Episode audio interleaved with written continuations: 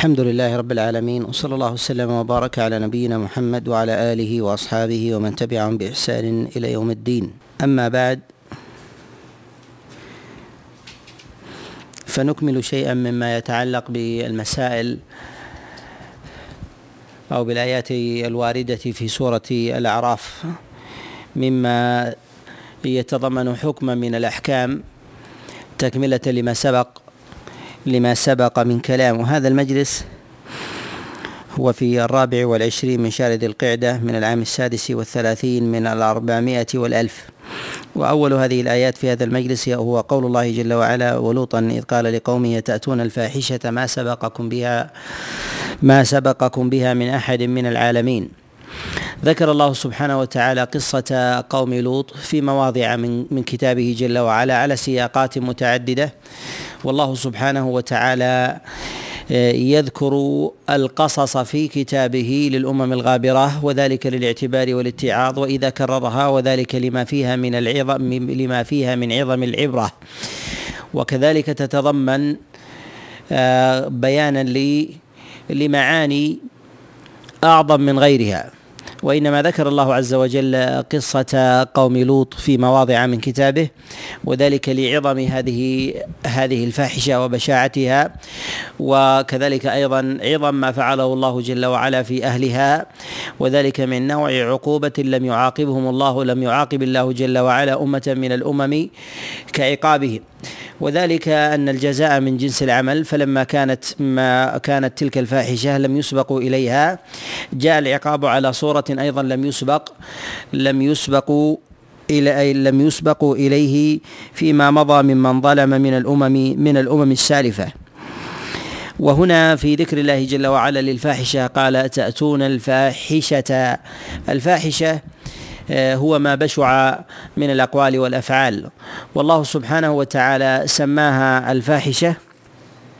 والله جل وعلا سماها الفاحشة وعرفها لكونها تشتمل على جميع أنواع الفحش والبذاءة سواء كان ذلك من الأقوال أو الأفعال. ولا يختلف العلماء على أن فعل قوم لوط هو أعظم عند الله جل وعلا وأبشع في الفطرة من من الزنا. وذلك أن أصل الزنا وهو ميل الرجل إلى المرأة. هذا من الأمور المفطور المفطور عليها البشر. ولكن الله عز وجل قد جعل الوصول إليه له له شروط لا بد من توفرها. وثمة موانع. إذا توفرت فإنه يمتنع من من الوصول وذلك من المحرمات. إما إلى أمد واما إما إلى أبد. أما بالنسبة لإتيان الذكران فإن ذلك ليس له له شروط وإنما حرمه الله عز وجل بإطلاق لذاته وما حرم لذاته وما حرم لذاته ولم يحل من وجه ولو على سبيل الاستثناء فإنه أعظم مما كان محرما ولكن الله عز وجل يحله من من وجه. ولهذا لما ذكر الله سبحانه وتعالى الزنا نكر الفاحشة فيه فقال جل وعلا ولا تقربوا الزنا إنه كان فاحشة وساء سبيلا. فنكر الله عز وجل الفاحشة أي أنها فاحشة من جملة الفواحش فلا تجتمع فيها فلا تجتمع فيها جميع الفواحش. وأما بالنسبة للوطية فذكر الله سبحانه وتعالى الفاحشة وعرفها بقوله أتأتون الفاحشة؟ يعني أنها شاملة لجميع أنواع أنواع الفحش. وأما ما تقدم في قول الله جل وعلا ولا تنكحوا ما نكح آباؤكم من النساء إلا ما قد سلف إنه كان ومقتا وساء سبيلا. فذكر الله عز وجل المقت لأن إتيان أزواج الآباء يتضمن تحليلا لأن الآية في سياق العقد. لأن الآية في سياق العقد. وقد تقدم معنا الإشارة إلى هذه المسألة أن العقد على ما حرم الله عز وجل يتضمن استحلالا يتضمن استحلالا ولهذا ذكر الله عز وجل المقتى في إتيان أزواج الآباء.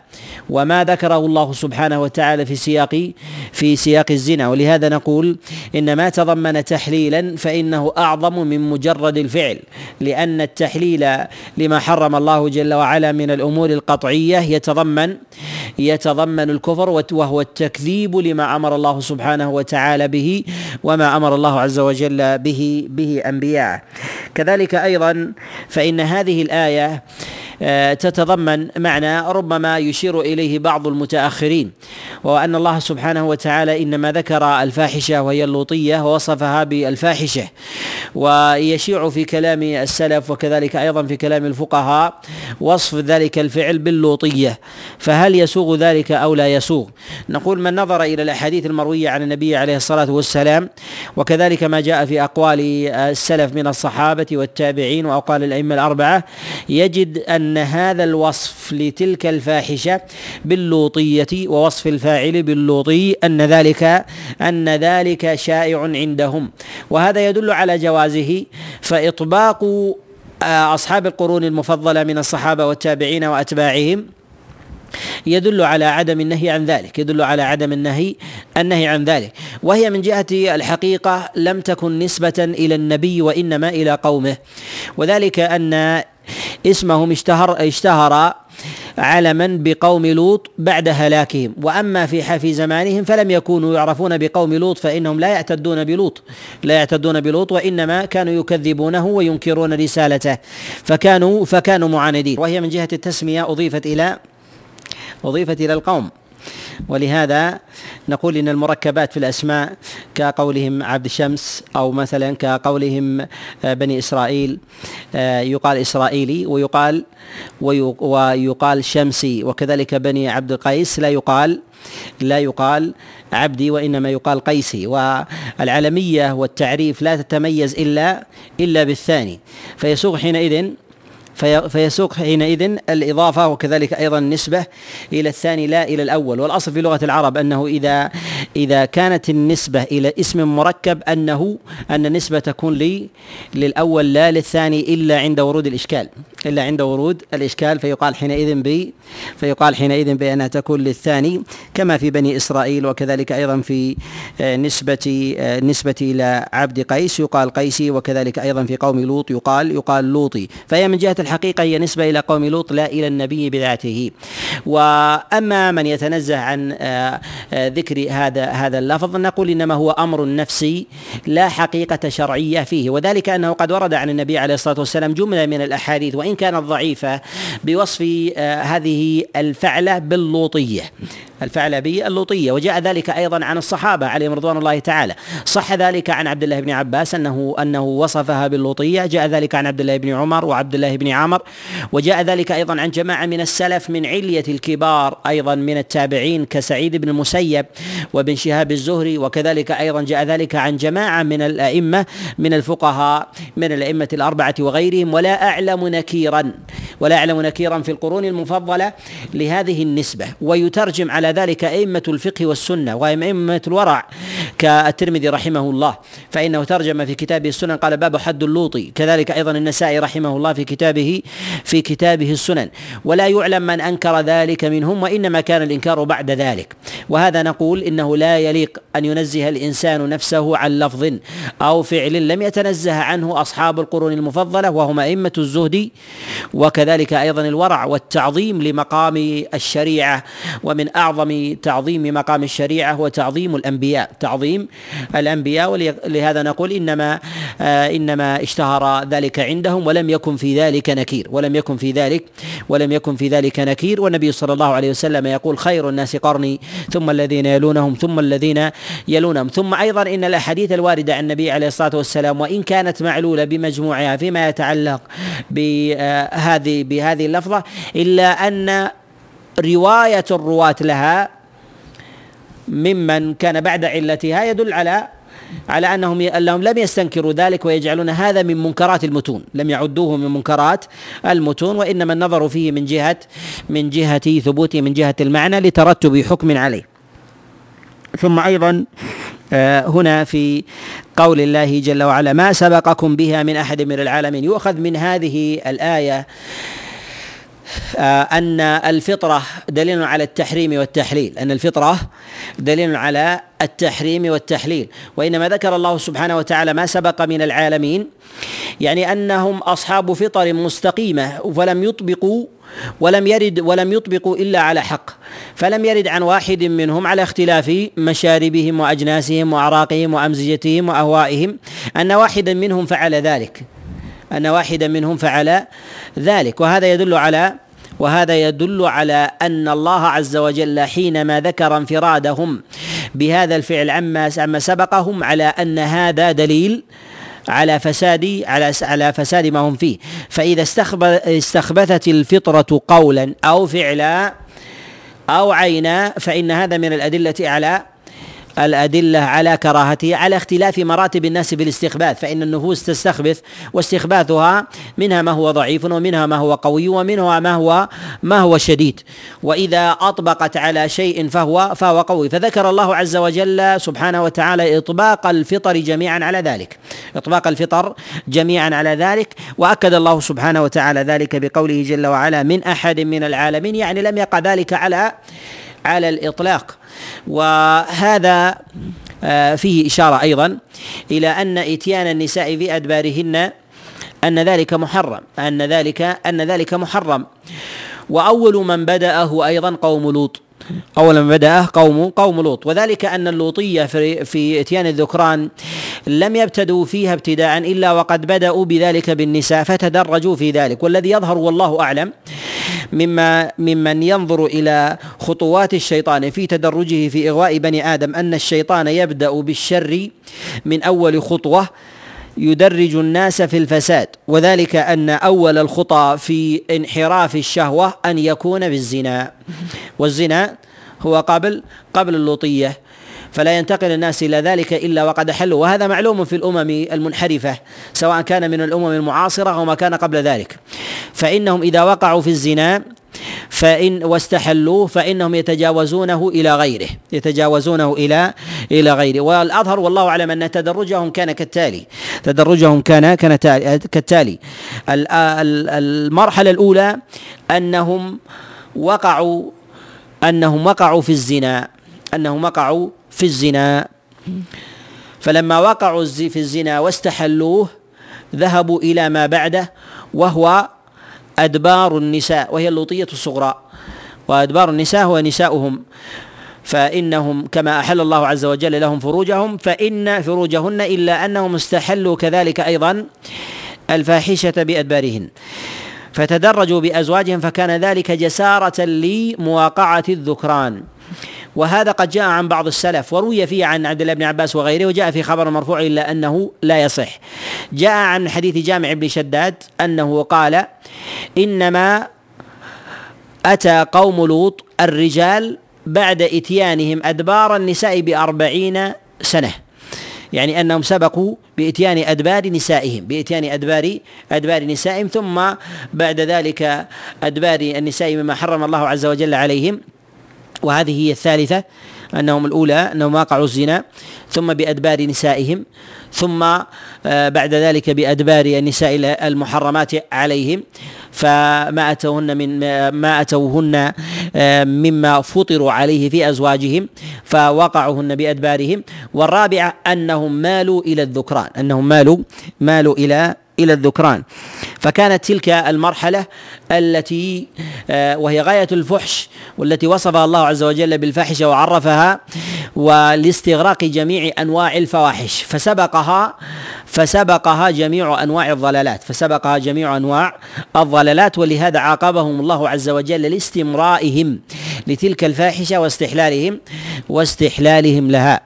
وهذا جاء أيضا عن مجاهد بن جبر أنهم إنما فعلوا ذلك بعد إتيانهم النساء بعد إتيانهم آه، النساء وهو من جهة النظر وإن لم يثبت فيه حديث مرفوع إلا أنه من جهة النظر صحيح إلا أنه من جهة النظر صحيح. ومن نظر إلى الأمة الغربية سواء كانوا من الإنجليز أو كان ذلك من الأمريكان وغير ذلك ممن وقعوا في أمثال هذا الانحراف في أبواب الفاحشة وجد أنهم تدرجوا كما تدرج قوم لوط. تدرجوا كما تدرج قوم قوم لوط. وذلك بالانحراف في علاقاتهم مع أزواجهم ثم من جهة استحلال الزنا ثم لما مروا بالزنا واستفرغوا واستفرغوه واستمرؤوه فإنهم حينئذ وقعوا بعد ذلك في في الفاحشة وهي إتيان الذكران.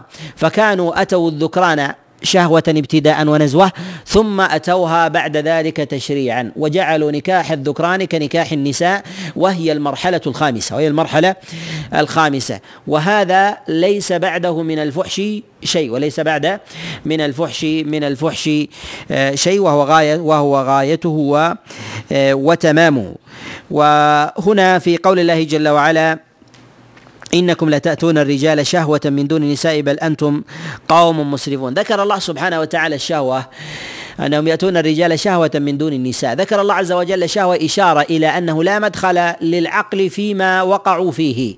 لا مدخل للعقل فيما وقعوا فيه وإنما هي نزوة ويشاركهم في ذلك الحيوان وذلك أن الذي يوجه الحيوان آه، في في في أفعاله هي شهوته هي شهوته سواء كان ذلك لمأكل أو مشرب أو كان ذلك لمنكح أو غير ذلك. وذكر الله عز وجل الشهوة إشارة إلى أن إلى شبههم ب شبههم بالحيوان. تأتون الرجال شهوة من دون النساء شهوة من دون من دون النساء. كذلك أيضا أن الله سبحانه وتعالى لما آه، ذكر الشهوة إشارة إلى أن هي الدافعة من جميع الوجوه ولم يكن من ثمة شبهة عقلية ولا من نظر وإنما هو وإنما هي شهوة محضة. أن الله سبحانه وتعالى وصف فعل قوم لوط. هنا قال بل أنتم قوم مسرفون. يعني تجاوزتم حدود حدود العقل والعلم. ويظهر ذلك أيضا في أن الله عز وجل قد وصفهم في الآية الأخرى بل أنتم قوم عادون. ووصفهم في الآية الأخرى بل أنتم قوم تجهلون. يعني لا يوجد شيء من العلم فيما فيما أنتم فيه دلكم وساقكم إلى إلى هذه الضلالة. وإنما هي غاية جهالة. فلا فطرة ولا ولا علم. فنفى الله عز وجل الفطرة ثم نفى الله سبحانه وتعالى بعد ذلك أن يكون ثمة شيء من العلم يدعوهم إلى إلى ما هم فيه سواء كان من علم النظر أو كان ذلك من علم الشرع أو كان ذلك من علم من علم الشرع.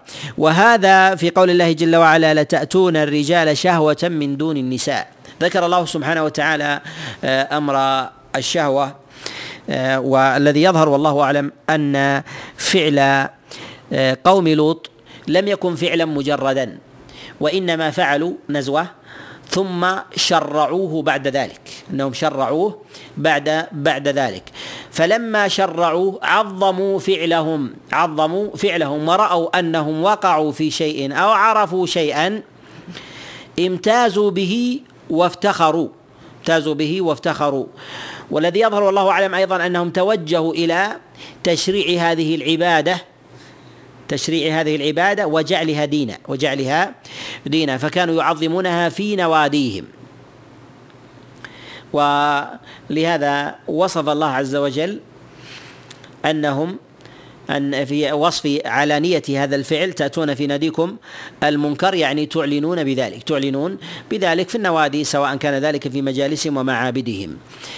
وقد أتاني رجل من أطراف الأردن وهو رجل من من عوام المسلمين وكان يعمل في في الزراعة فأراد استصلاح أرض بكر فوجد في دفن الجاهلية تماثيل لقوم لوط. تماثيل منحوتة من حجارة ومعادن ترسم فعل الفاحشة ترسم فعل الفاحشة وأراني إياها ويستفتي في ذلك في حكم بيعها لأهل الآثار في حكم بيعها لأهل الآثار على صورتها باعتبار أن ثمة من يعظم الآثار ولو كان يستنكر الفعل. كمن يبيع الأصنام مما كان مثلا في آه، قوم آه، آه، في بني إسرائيل من الفراعنة وغير ذلك. ومثل هذه لا يجوز اقتناؤها ولا بيعها لا يجوز اقتناؤها ولا ولا بيعها. ويكتفى بوصفها بحكايتها يكتفى بوصفها بحكايتها. وأما من يقول إنها تحفظ لمعرفتها نقول لا أحفظ لمثل هذا الفعل مما ذكره الله عز وجل من بشاعة وصفه في كتابه العظيم. وما ذكر مما وجد من آثارهم مما رأيته ورآه غيري نقول إن في هذا إشارة إلى أنهم ما فعلوا الفاحشة مجرد النزوة وإنما عظموها فصنعوا التماثيل لها ووضعوها في المجالس. وكذلك أيضا وكذلك أيضا في النوادي. وهذا يؤكد ما جاء في قول الله عز وجل تأتون في ناديكم المنكر يعني في المجالس والمعابد وربما عبدوا تلك الأصنام وربما عبدوا تلك الأصنام فجعلوها جعلوها شريعة وجعلوا الفاعلين أو المشرعين ابتداء ويحتمل أنهم عبدوا أول من شرع فيهم ذلك الفعل. أول من شرع فيهم ذلك الفعل لأنها تبتدئ شهوة ثم تتحول بعد ذلك تشريعا. وتعظم الأمم المشرعين أكثر من أصحاب النزوات لأن أصحاب النزوات عندهم لا يقرون بتشريع هذا الشيء. فالذي يظهر والله أعلم أنهم صنعوا تماثيل لمن ابتدأوا تشريع هذا الفعل لمن وجعلوه حضارة لهم يمتازون بها يمتازون بها عن غيره. ثم قال الله جل وعلا بعد ذلك وأمطرنا عليهم مطرا فانظر كيف كان عاقبة المجرمين. ذكر الله سبحانه وتعالى أنه أمطر على قوم لوط مطرا والمراد بذلك هي الحجارة والحجارة من طين وهذا عقاب جعله الله عز وجل فيهم. وهذا أيضا آه، آه، جاء قيل إنه كان ابتداء فيهم ثم الله عز وجل خسف بهم أن جعل عالي آه، أرضهم سافلها ثم أمطر الله عز وجل عليهم حجارة حجارة من سجيل. فنقول إن الله سبحانه وتعالى جاء بان الله عز وجل أتى بهذه الحجارة من جهنم وجاء بها على وصف يعذبهم الله عز وجل بها ومن هذا استدل بعض العلماء على أن حد اللوط الرجم. حد حد اللوطي الرجم استدلوا بهذه بهذه الآية. والذي يظهر والله أعلم أن الاستدلال في هذه الآية ضعيف وذلك أن عقوبة الله سبحانه وتعالى لهم لا لمجرد الفعل آه، وإنما لأنهم شرعوا لأنهم لأنهم شرعوا. فكانت العقوبة على منتهى ما وصلوا إليه لا على مبتداه على منتهى ما وصلوا إليه لا لا على منتهى. وإنما نقول يؤخذ من ذلك ما جاء في الأخبار والآثار في ذلك فنقول ان ما يتعلق بعقوبة اللوطية آه، قد اختلف العلماء عليهم رحمة الله تعالى مع اتفاقهم على بشاعتها وأنها أعظم من الزنا من جهة الجرم. اختلفوا في عقوبة اللوطي اختلفوا في عقوبة اللوطي على أقوال ثلاثة. وقبل الشروع في هذه الأقوال نقول إن العلماء عليهم رحمة الله اختلفوا في عقوبة اللوط. هل جاء في الشريعة فيها حد؟ وأن ما جاء في ذلك إنما هو حد آه، عن رسول الله صلى الله عليه وسلم وعن أصحابه. أم المراد بذلك أنها عقوبة تعزيرية عقوبة تعزيرية. فلا يلزم في قول كل من قال إن إنه يرجم أنه أنه يجعل الرجم عقوبة عقوبة حد. ولا يلزم في كل من قال بأنه يقتل أنه يجعل القتل حد لأنهم يختلفون في نوع القتل وإن اتفق بعض الفقهاء والسلف عليه. وذلك أن منهم من يقول القتل فمنهم من يرى أنه يرمى من شاهق ومنهم من رأى أنه يرجم ومنهم من رأى أنه أنه يحرق. القول الأول قالوا بأن اللوطي يرجم وهذا قد جاء عن الصحابة عليهم رضوان الله وحكى بعضهم اتفاق الصحابة عليه وهذا هو الظاهر. وهذا هو الظاهر أن الصحابة يتفقون على على قتله وإن اختلفوا في صفة القتل وإن اختلفوا في صفة في صفة القتل. وذهب إلى هذا جماعة من أصحاب النبي عليه الصلاة والسلام. آه، جاء عن أبي بكر الصديق التحريق وعن علي بن أبي طالب عليه رضوان الله. وجاء في ذلك الرجم صح ذلك عن عبد الله بن عباس كما رواه سعيد بن جبير ومجاهد عن عبد الله بن عباس أنه قال يرجم محصنا أو غير محصن. وجاء عن بعضهم أنه يرمى يرمى من شاهق. وهذا أيضا مروي عن عبد الله بن عباس عليه رضوان الله. وبه نعلم أن ما جاء عن هؤلاء الصحابة عليهم رضوان الله في الاتفاق بالقتل واختلاف الصفة دل على أنهم يتفقون في أصل الحكم ويختلفون في صورة تنفيذه. ويختلفون في صورة في صورة تنفيذه. وهذا الذي عليه جمهور العلماء وهذا الذي عليه جمهور العلماء وممن جاء بعدهم. سواء كان ذلك من التابعين فقد صح ذلك عن سعيد بن المسيب وصفه بالسنة الماضية. وقد روى ذلك صالح بن كيسان عن ابن شهاب عن سعيد بن المسيب أنه قال قال آه، من فعل فعل قوم لوط يرجم محصنا أو بكرا سنة ماضية. وجاء أيضا ذلك رواه صالح بن كيسان عن ابي شهاب الزهري من قوله. وجاء ذلك أيضا عن عطاء بن أبي رباح فيما رواه ابن جريج عنه. وجاء ذلك أيضا عن فقهاء ورؤوس المدينة فيما رواه عبد الله بن نافع عن مالك بن أنس أنه قال قال ابن شهاب وربيعة وابن هرمز أنه يرجم بكرا أو ثيبا. أنه يرجم بكرا أو ثيبا. وهذا الذي ذهب إليه الإمام مالك رحمه الله وهو الأشهر عن الإمام أحمد رحمه الله وهو أحد قولي الشافعي. وأحد قولي آه، الشافعي. أنه أنه يقتل وقولهم بقتله اختلفوا في صفة في صفة القتل. الأشهر في ذلك الرجم. الأشهر في هذا الرجم. وهو الذي عليه الأكثر من السلف والذي عليه الأكثر الأكثر من السلف. وقد حكى إجماع الصحابة على قتله جماعة. حكاه بعض الفقهاء من الشافعية وكذلك أيضا حكى الاتفاق في ذلك اتفاق الصحابة بن تيمية رحمه الله. وهي حكاية صحيحة. إذا قلنا بعدم وجود المخالفة كالإجماع السكوتي وهو كالإجماع كالإجماع السكوتي ومثل هذه الأحكام تشتهر. ومثل هذه الأحكام تشتهر وتنقل. فليس حكما فليس حكما مخفيا أو عملا يسر به الإنسان أو يفعله في خاصة نفسه أو قضاء يقضي به الإنسان ولا يشتهر. فمثل هذا الفعل وهو حد الرجم في من فعل فعل قوم لوط فإن هذا مما مما يشتهر. ثم أيضا ينبغي أن نشير إلى إلى مسألة أن اختلاف الصحابة عليهم رضوان الله في صفة قتل فاعل قوم لوط أخذ منه بعض العلماء على أن هذا الفعل ليس بحد وأنه تعزير وأنهم اجتمعوا على تعزيره على هذا الوصف ولم يجتمعوا على كونه حدا ولو كان حدا لاتفقوا على وصف قتله كما اتفقوا على على حد الزاني المحصن. كما اتفقوا على حد الزاني آه، المحصن فإنه فإنه يرجم. كذلك أيضا في القصاص. في من قتل احدا أنه يقتل بالصفه التي قتل بها بالصفة التي التي قتل بها ويتفقون على ذلك.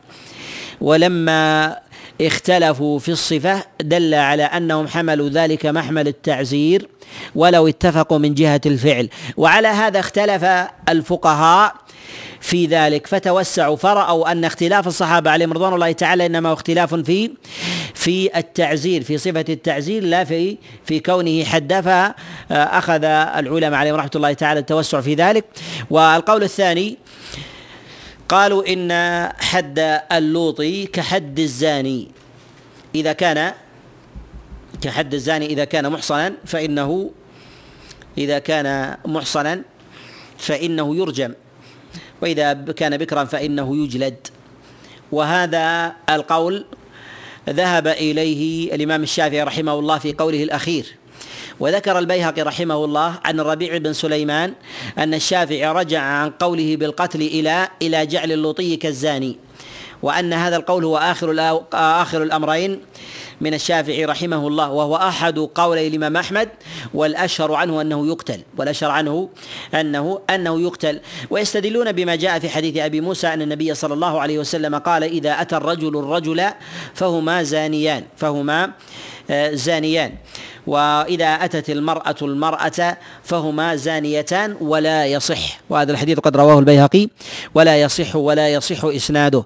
والقول الثالث قالوا بأن بأنه تعزير يتوسع فيه ولا يكون كالزنا. فلو كان بحبس أو بأي عقوبة رادعة فإنه يصح ذلك فإنه يصح ذلك وهذا القول هو الذي ذهب إليه أبو حنيفة رحمه الله وذهب إليه جماعة من الفقهاء من المتأخرين. والذي يظهر والله أعلم أن إجماع الصحابة متحقق من جهة القتل واختلافهم فيه دليل على التوسعة في ذلك لا على أن يقوم الإنسان بالتخفيف من ذلك من ذلك الفعل. ولكن قد تضعف القرائن لدى الإنسان في قضية معينة أو كذلك أيضا ربما يشيع يشيع مثل هذا الفعل في الناس وإذا استكثر آه، الحاكم فيهم في بلد مثلا يعظم فيه الجهل فتولى الحاكم فيهم وإذا أقام عليهم الأمر فإنه يستشري فيهم القتل ويكون في ذلك من آه، من التنفير ونحو ذلك. وخاصة إذا كانوا لا يشرعون خاصة إذا كانوا لا لا يشرعون فله أن ينصرف من القتل إلى إلى ما دونه لا ينصرف من القتل إلى إلى ما دونه باعتبار اختلاف السلف عليهم رحمة الله في الصفة التي قتلوا فيها مما يشير إلى أنهم لم يجمعوا على كونه حد. من لم يجمع على كونه على كونه حد ولكن نقول إن اتفاقهم على على الأصل وهو القتل على أنه يقتل هذا دليل على تعظيم أمر الحكم وأن مثله يجب أن يجب أن يقتل. ان مثله يجب يجب أن يقتل وذلك دفعا لشره وحتى لا ينتشر الفساد في الناس بفعله أو يظن الناس أن التساهل بأمثال هذا بأمثال هذا هذا الفعل. ولكن نقول إن أبواب التعزير آه، فيه في غير القتل تكون ضيقة وأن السعة التي كانت في الصحابة عليهم رضي الله تعالى في اختلافهم في ذلك هو بحسب آه، نوع التاديب الذي يوصلون به يوصلون به آه، التأديب والزجر والزجر في الناس. وأما ما جاء في مواقعة البهيمة فلم يثبت في ذلك عن النبي صلى الله عليه وسلم شيء. وقد جاء في قوله عليه الصلاة والسلام من أتى بهيمة فاقتلوا فاقتلوها واقتلوا الفاعل. والحديث في ذلك لا يثبت. الحديث في ذلك لا يثبت. وهي أيضا من أمور التعزير. والخلاف فيها أخف من الخلاف في مسألة في مسألة إتيان الذكران من من بني من بني آدم. فذلك فذلك أعظم وأبشع. فذلك أعظم أعظم وأبشع ولا يعني ذلك عدم بشاعة ما دونه. ولكن نقول من جهة من جهة تعظيم ذلك في القرآن وفي عمل الصحابة عليهم رضوان الله تعالى فإن ذلك فإن ذلك يدل على تعظيم تعظيمه. ثم أيضا إن ميل الإنسان إلى جنسه أعظم من ميله إلى غير جنسه فالفاحشة تكون في بني الإنسان أكثر أكثر من غيرها أكثر آه، من غيرها فاستحقت الزجر من هذا الوجه. واستحقت الزجر من هذا الوجه أعظم أعظم من غيرها وجاء فيها النص النص كذلك. وهل إتيان المرأة الأجنبية في دبرها يكون مشابها لإتيان الذكران آه، من العالمين؟ فيكون الحكم في ذلك واحد. من العلماء من جعل الحكم في ذلك متشابها أن من أتى أه، من أتى ذكرا هو كحال من أتى من أتى أنثى في دبرها أجنبية عنه. إذا أتى المرأة الأجنبية آه، كإتيان الذكران منهم من جعل الحكم في ذلك واحد ومنهم من جعل الحكم في ذلك دونه. والأظهر والله أعلم أن الحكم أخف أن الحكم الحكم أخف باعتبار أن أصل ميل الجنسين إلى بعضهما وارد. ولو كان ذلك الفعل فاحشة إلا أنه دون إتيان الذكران.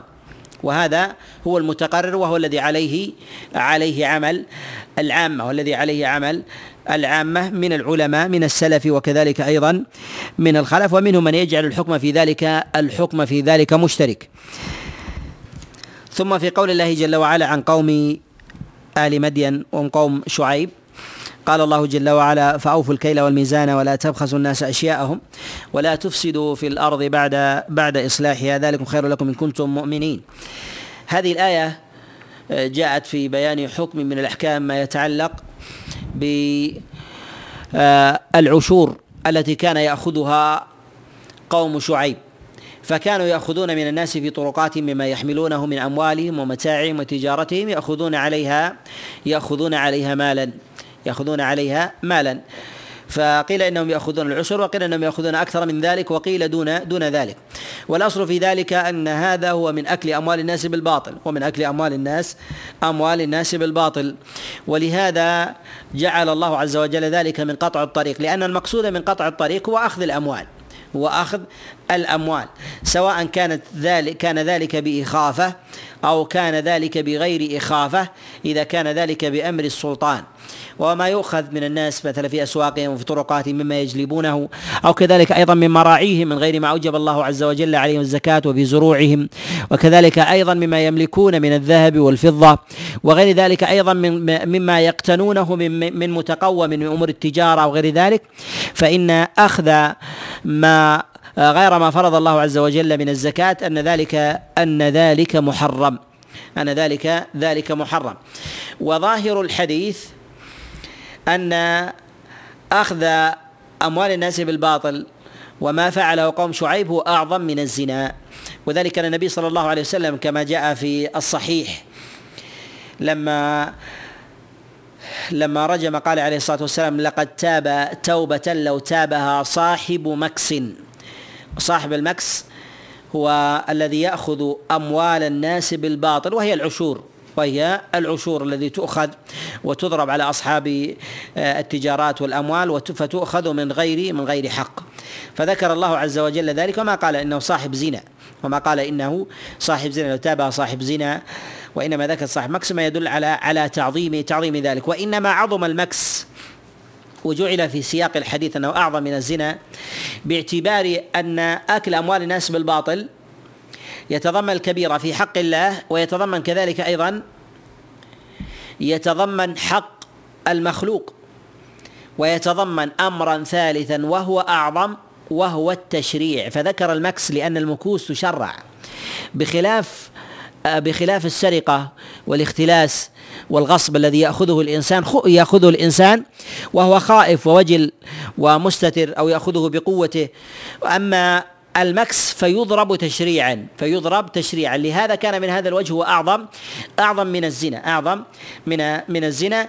وذلك أن الزنا في حال إطلاقه لا يقال لا يقال بتشريعه لا يقال بتشريعه لأن من يشرعه لا يسميه زنا لأنه من يشرعه لا يسميه زنا لهذا نقول إنما كان عظيما من هذه الوجوه الثلاثة إنما كان عظيما من هذه الوجوه من هذه الوجوه الوجوه الثلاثة. وأما بالنسبة آه، لما كان في قوم شعيب نقول إن قوم شعيب آه، أخذوا أموال الناس في الطرقات ومن أسواقهم ومما يقتنون مما لم يفرضه الله عز وجل عليه مما لم يفرضه الله جل وعلا عليهم فهل يلحق في ذلك العشور التي كان يأخذها الصحابة؟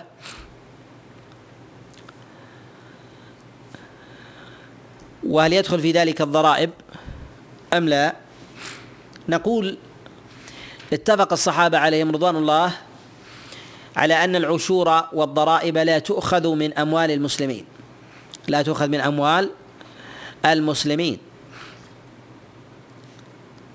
وقد جاء في ذلك حديث عند أبي داود من حديث حرب بن عبيد الله عن جده لأمه عن أبيه عن رسول الله صلى الله عليه وسلم قال إنما العشور على اليهود والنصارى لا على المسلمين أو ليس على المسلمين عشور. وهذا الحديث حديث ضعيف لكن دل عليه عمل الصحابة ودل عليه إجماعهم كما جاء عن عمر بن الخطاب عليه رضوان الله أنه كان يأخذ من النصارى فيأخذ من الأنباط من النبط يأخذ منهم العشور على الحنطة والزيت كما جاء في حديث سالم عن عبد الله بن عمر أن عبد الله بن عمر ان ان عن عبد الله بن عمر أن عمر بن الخطاب عليه رضوان الله كان يأخذ من أموال أهل الكتاب من النبط يأخذ منهم من زيتهم وحنطتهم العشر ولا يأخذ من المسلمين ولا يأخذ من المسلمين. وكان يأمر أيضا من كان يعمل الأسواق كذلك. كما جاء في حديث السائب بن يزيد قال كنت غلاما عاملا مع عبد الله بن عتبة بن مسعود في سوق المدينة في زمن عمر بن الخطاب. قال فكنا نأخذ العشور على أموال على أموال على أموال غير المسلمين. وجاء عن عبد الله بن عمر أنه سئل أكان عمر بن الخطاب يأخذ من المسلمين؟ قال قال لا يعني أنه لم يكن يأخذ من اموالهم من أموالهم شيئا. وجاء ذلك أيضا عن أبي موسى الأشعري عليه رضوان الله أن عمر بن الخطاب كتب إليه أنه خذ من أموال غير المسلمين العشر.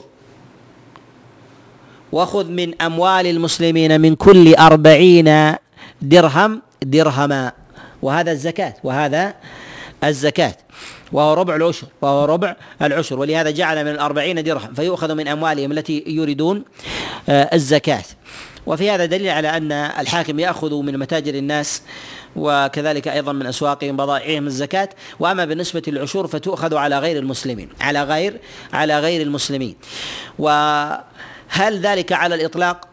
أنه يجوز أن يأخذ العشور على أموال غير المسلمين. جاء النص في ذلك مطلقا ومقيدا عن عمر بن الخطاب وصح عنه الإطلاق. وصح عنه الإطلاق. وجاء عنه أنه كان يأخذ منهم مقابلة لما يأخذونه من أموال تجار المسلمين. ما يأخذونه من تجار تجار المسلمين. ونقول إن ما جاء عن عمر بن الخطاب وكذلك أيضا استشارة الصحابة وإجماعهم في ذلك دليل على جواز أخذ العشور على تجارة غير المسلمين. ولهذا إذا كان مثلا في بلد من البلدان ثمة تجارات والتجارات في ذلك آه، واردة.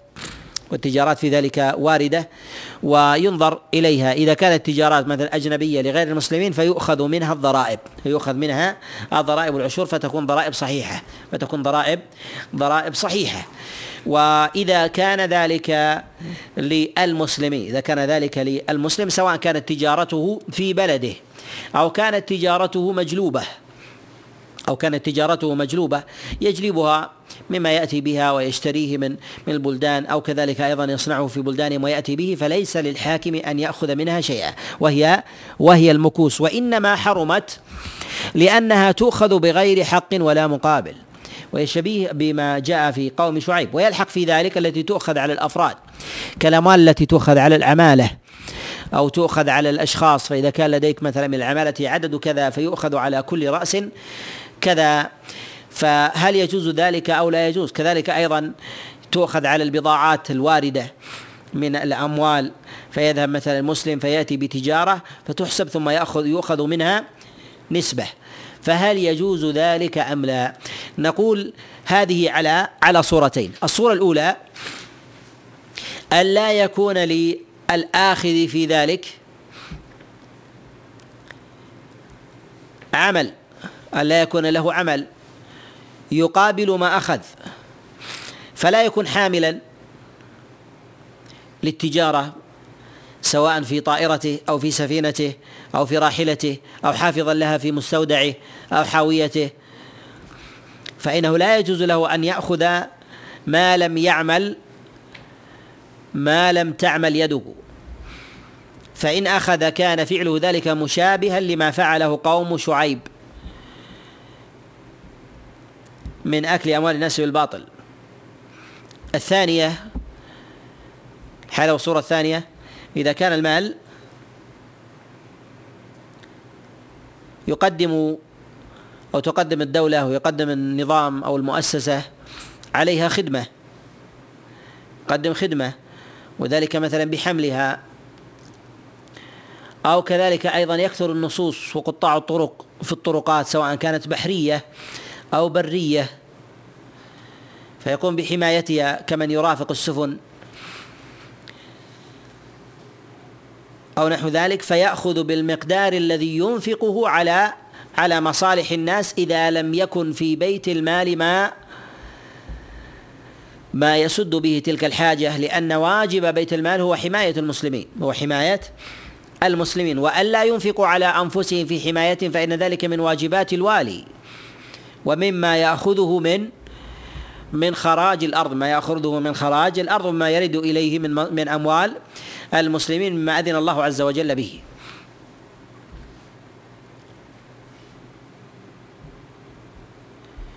ويلحق ذلك أيضا ويلحق ذلك ما يقوم بإنشائه النظام أو المؤسسات الأهلية وتكون المصلحة فيه عامة كالمستشفيات والجسور.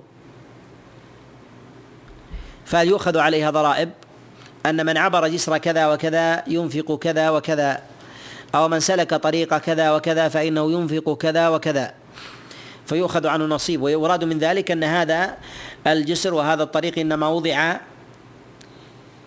إنما وضع بمال. ويحتاج إلى عناية وحفظ فهل يجوز له فهل يجوز للنظام أو للإمام أن يأخذ على ذلك حقا وضريبة؟ نقول ذلك على صورتين ذلك على صورتين. الصورة الأولى إذا كان في بيت المال كفاية وهذا المال أخذ من وهذا هذه الجسور أو الطرقات أو المرافق العامة أو الحدائق أو الوديان أو غير ذلك. قاموا مثلا بتأسيسها أو صيانتها أو نظافتها من بيت المال وفي بيت المال كفاية وغنية لا يجوز أن يأخذ على الوارد عليها شيئا لأن ذلك حقا لهم لأن ذلك حق لهم فلا يؤخذ حقهم بحقهم فلا يؤخذ حقهم بحقهم. وأما إذا كان ذلك أخذ مثلا بالديون كأن استدان الحاكم واستدان مثلا بيت المال أو وضع فيه ما يضعف بيت المال. أو كان أيضا ما لا يستطيع الحاكم فيه صيانة الجسور أو المواني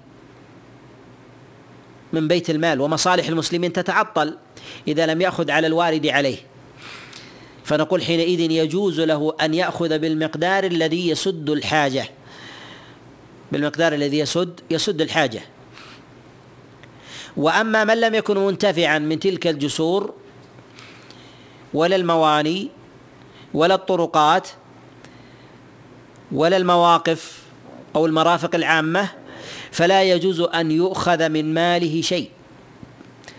أن يؤخذ من ماله من ماله شيء. ويلحق في ذلك أيضا ما يتعلق بالمنافع التي تقوم بها مثلا بعض الدول وذلك مثلا من تنظيف الطرقات وتنظيف الأرصفة والشوارع ونحو ذلك فهي تدخل في في هذه الصور تدخل في هذه في هذه الصور. إذا كانت مثلا تقدم خدمة بتنظيف الشارع وكذلك الحي ونحو ذلك فإن الناس يتواكلون ولا يقوم كل أحد بنظافة ما حوله فيحتاجون إلى النظافة. فهل ذلك يجوز لم يؤخذ ضريبة على مثل على مثل هذا أم لا يجوز؟ نقول إذا كان في بيت المال كفاية لا يجوز أن يأخذ.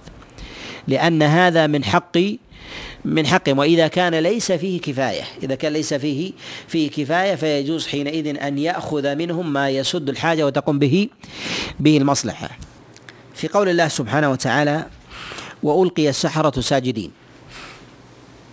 هذه الآية تتضمن مسألة من المسائل وهي مسألة السجود من غير صلاة ومن غير سبب وقد تكلم بعض الفقهاء على أمثال هذه المسألة وهي ما يتعلق بمسألة مشروعية السجود من غير صلاة ولا سبب قد دل الدليل عليه. فهل يجوز للإنسان أن يسجد سجودا مطلقا يتعبد لله به؟ نقول إن النبي صلى الله عليه وسلم قد شرع الله عز وجل له الصلاة والصلاة تتضمن تتضمن أفعالا وهذه الأفعال منها القيام ومنها الركوع ومنها السجود ومنها الجلوس ومنها الجلوس. وهذه الصور عبادة في عبادة فانتظامها يجب أن يكون داخل هذه العبادة. فهل للإنسان أن يأخذ من تلك الأفعال التي جاءت عبادة في الصلاة أن يأخذ منها فعلا منفردا خارج الصلاة فيتعبد لله عز وجل به؟ نقول يتفق العلماء على أن أنه لا يجوز للإنسان أن يتعبد لله بالقيام أن يتعبد لله بالقيام من غير صلاة. فيقف فيقول أقف لله تعظيما له فيقف الساعة والساعتين أو النهار أو الليل من غير صلاة من غير من غير صلاة. وأن الوقوف المجرد ليس عبادة وأن الوقوف المجرد ليس ليس عبادة لله سبحانه وتعالى إلا ما دل الدليل عليه مما اقترن بأدلة أخرى وذلك كالوقوف مع الدعاء كوقوف الرجل مثلا على الصفا وعلى المروة وعند رمي الجمار وغير ذلك مما دل الدليل عليه مما دل الدليل عليه فجاء تبعا لعبادة فجاء تبعا لعبادة.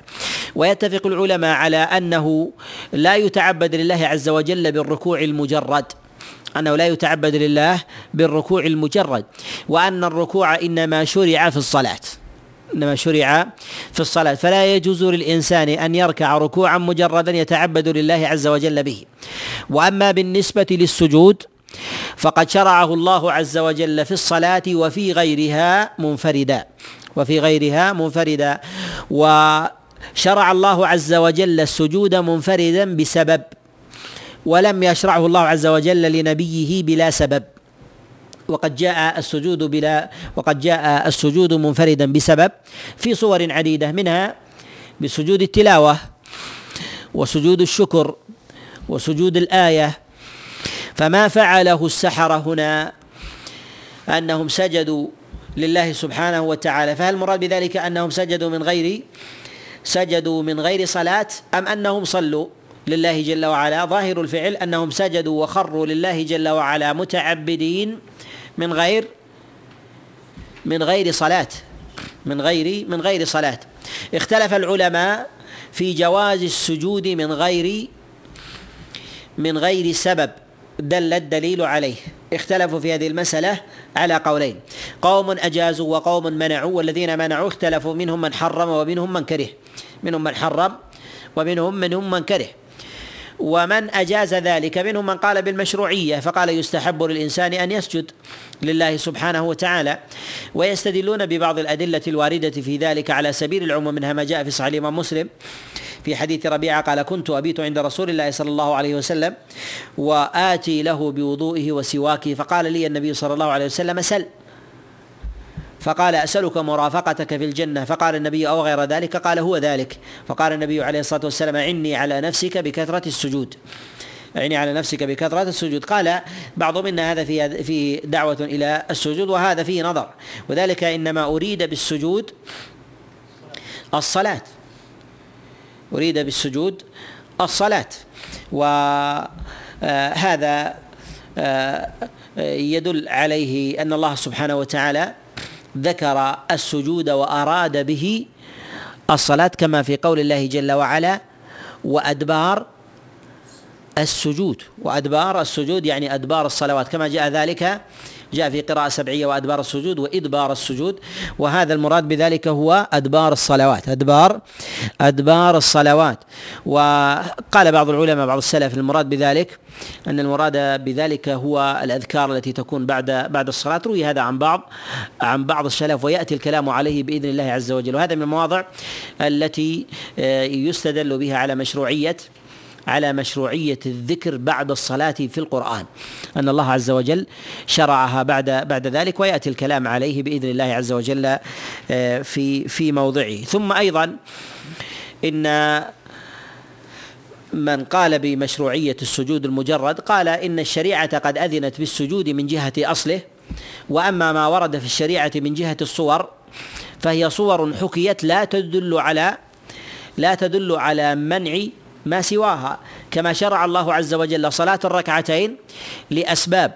وذلك مثلا في تحية المسجد وركعتي الضحى وكذلك صلاة الإنسان الليل وبعض السنن الرواتب في الركعتين. فإنه يجوز للإنسان ويشرع أن يصلي ركعات كما شاء. نقول هذا قد دل الدليل عليه أيضا قد دل الدليل على الركعتين أيضا بغير بغير سبب. وأما بالنسبة للسجود مع سهولته ويسره أسهل من الصلاة ومع ذلك لم يرد عن عن أحد من من أصحاب النبي عليه الصلاة والسلام أنه سجد. فإن المبادرة للسجود تتشوف النفس إليه لو كان مشروعا. ومع ذلك لم يثبت عن أحد من أصحاب النبي عليه الصلاة والسلام ولم يدل دليل مرفوع على على ذلك. ولهذا نقول إن السجود بغير سبب الأظهر فيه أنه ليس بمشروع أنه ليس ليس بمشروع. وإن كان في الأمم السابقة فنحمله على على الخصوصية نحمله على على الخصوصية. بعض العلماء قال إنه يجوز للإنسان ويشرع له أن يسجد لمجرد الدعاء لمجرد لمجرد الدعاء. وقد نص على هذا ابن تيمية رحمه الله أنه على جواز ذلك. قال وللإنسان أن يسجد لمجرد الدعاء وجعله سبب من الأسباب وعلى هذا فابن تيمية رحمه الله يجعل السجود آه، لسبب آه، لسبب جائز ولكنه أضاف الدعاء وما جعل السجود لغير سبب جائزا. وما جعل السجود لغير سبب جائزا بإطلاق فيسجد الإنسان هكذا. فيريد أن يتعبد بدلا من أن يركع لله ركعات فإنه يسجد سيدات. يسجد مرتين وثلاثة وخمسة وستة فإن هذا لم يفعله لا الصحابة ولم يفعله التابعون فدل على عدم مشروعيته. وذهب بعض الفقهاء إلى كونه محرما قد نص على ذلك ابن آه، النووي رحمه الله. وحكى الاتفاق عليه وحكى الاتفاق الاتفاق عليه. ونص على تحريمه أيضا جماعة من الفقهاء. من غير الشافعية وذهب إلى الجواز جماعة من الفقهاء من الحنفية وهو المشهور في مذهبهم هو جواز السجود من غير سبب جواز السجود من غير من غير سبب. وأما من يستدل مثلا بفعل السحرة أنهم سجدوا نقول إن أصل السجود هنا وصفه الله أعلم به ولكل أمة شريعة. وكذلك أيضا ربما كان سجودهم يتضمن في السبب الذي ذكر ابن تيمية وهو وهو دعاء الله عز وجل أن يقبل توبته أن يقبل أن يقبل التوبة. فالإنسان يتجلى آه، له مثلا جرم جرم ذنبه وعظيم ما فعل ثم يسجد لله عز وجل يريد من ذلك توبة يريد من ذلك من ذلك توبة. فهل يقال بأن التوبة المجردة يشرع لها السجود؟ إذا وقع من ذنب نقول لم يثبت في ذلك خبر مرفوع. لم يثبت في ذلك خبر خبر مرفوع. وربما كان سجودهم ذلك شكرا لله أن هداهم أن هداهم إلى الحق. وأرادوا كذلك أن يثبتوا لفرعون توحيدهم لله جل وعلا. أرادوا أن يثبتوا لفرعون وللناس توحيدهم لله جل وعلا. فنظروا المصلحة في السجود فسجدوا فخروا فخروا آه، سجدا لله سبحانه وتعالى. كذلك أيضا فإنه لو كان يشرع عند كل ذنب سجدة لكان أولى ما يظهر البيان فيه في الخبر المرفوع وكذلك أيضا في عمل الصحابة. ثم أيضا النبي عليه الصلاة والسلام إذا حزبه أمر أو اهتم فزع إلى الصلاة. وهي الصلاة المفتتحة بالتكبير المختتمة بالتسليم ولم يثبت أنه سجد سجودا مجردا من غيره من غير سبب ولهذا الذي يميل إليه هو عدم مشروعية السجود من غير سبب من غير من غير سبب. ومن أراد أن يلحق أسبابا يختلف عمن يجيز السجود من غير سبب. وذلك أن بعض الناس يقول أن الإنسان مثلا آه، شرع مثلا دخل في الإسلام بعد كفر أو هداه الله عز وجل فأراد آه، أن يتشبه بما فعله آه، أولئك في زمن في زمن فرعون فأراد أن يسجد كما يفعله بعض المهتدين. حينما يهديه الله عز وجل بعد كفر يخر ساجدا لله جل وعلا. فنقول في مثل هذا هو إذا كان يدخله في هذا من باب الأسباب فالأمر في ذلك سعه وأما إذا كان يدخل الجواز في ذلك من باب من باب جواز السجود من غير سبب فهذا فهذا يقال بعدم جوازه وذلك أنه يفتح الباب إلى إلى تعطيل الصلاة. إلى تعطيل إلى تعطيل الصلاة. هنا في قول الله عز وجل لما رجع موسى إلى قومه غضبان أسفا في مسألة قضاء القاضي وهو غضبان. لكن آه، موسى معصوم. ولهذا قد يضعف الاستدلال بها. هذه الآية تحتاج إلى مزيد تفصيل ونرجوها في المجلس القادم بإذن الله وهي قول الله جل وعلا وقطعناهم اثنتي عشرة أسباطا أمما. وذلك أن الله عز وجل جعلهم أمم ثم جعل الله سبحانه وتعالى بعد ذلك آه، أن أعين الماء انبجست آه، كما قال الله عز وجل آه، فانبجست منه اثنتا عشرة عينا. جعل الأعين بمقدار وفي هذا قسمة المال العام في هذا قسمة المال العام بالتساوي بين الناس. وهذا أيضا يحتاج إلى مزيد تفصيل هذا يحتاج إلى مزيد مزيد تفصيل. ونرجئه بإذن الله عز وجل في الكلام على هذه المسألة وما كان فيه من عمل الخلفاء الراشدين في ذلك وهل يفضل أحد من يفضل الحاكم أحد من رعية بعطية دون غيره من غير سبب؟ وكذلك أيضا ما يتعلق في مساله تأليف القلوب هل يدخل في المسلمين في جواز أن يعطى احدا تاليفا لقلبه وهو مسلم زيادة عن غيره أم لا؟ ونشير كذلك أيضا لما يتعلق بمسألة الإقطاع. في مسائل الإقطاع والوارد في ذلك عن آه، الصحابة عليهم رضوان الله تعالى على سبيل الإجمال. وأعتقد أنه تقدم معنا مسألة الأصل في مسألة الإقطاع في غير هذا الموضع. نرجي الكلام على هذه الآية وما بعدها مما نختم به بإذن الله عز وجل سورة الأعراف إلى المجلس القادم. بإذن الله ونكتفي بهذا القدر وصلى الله وسلم وبارك على نبينا محمد.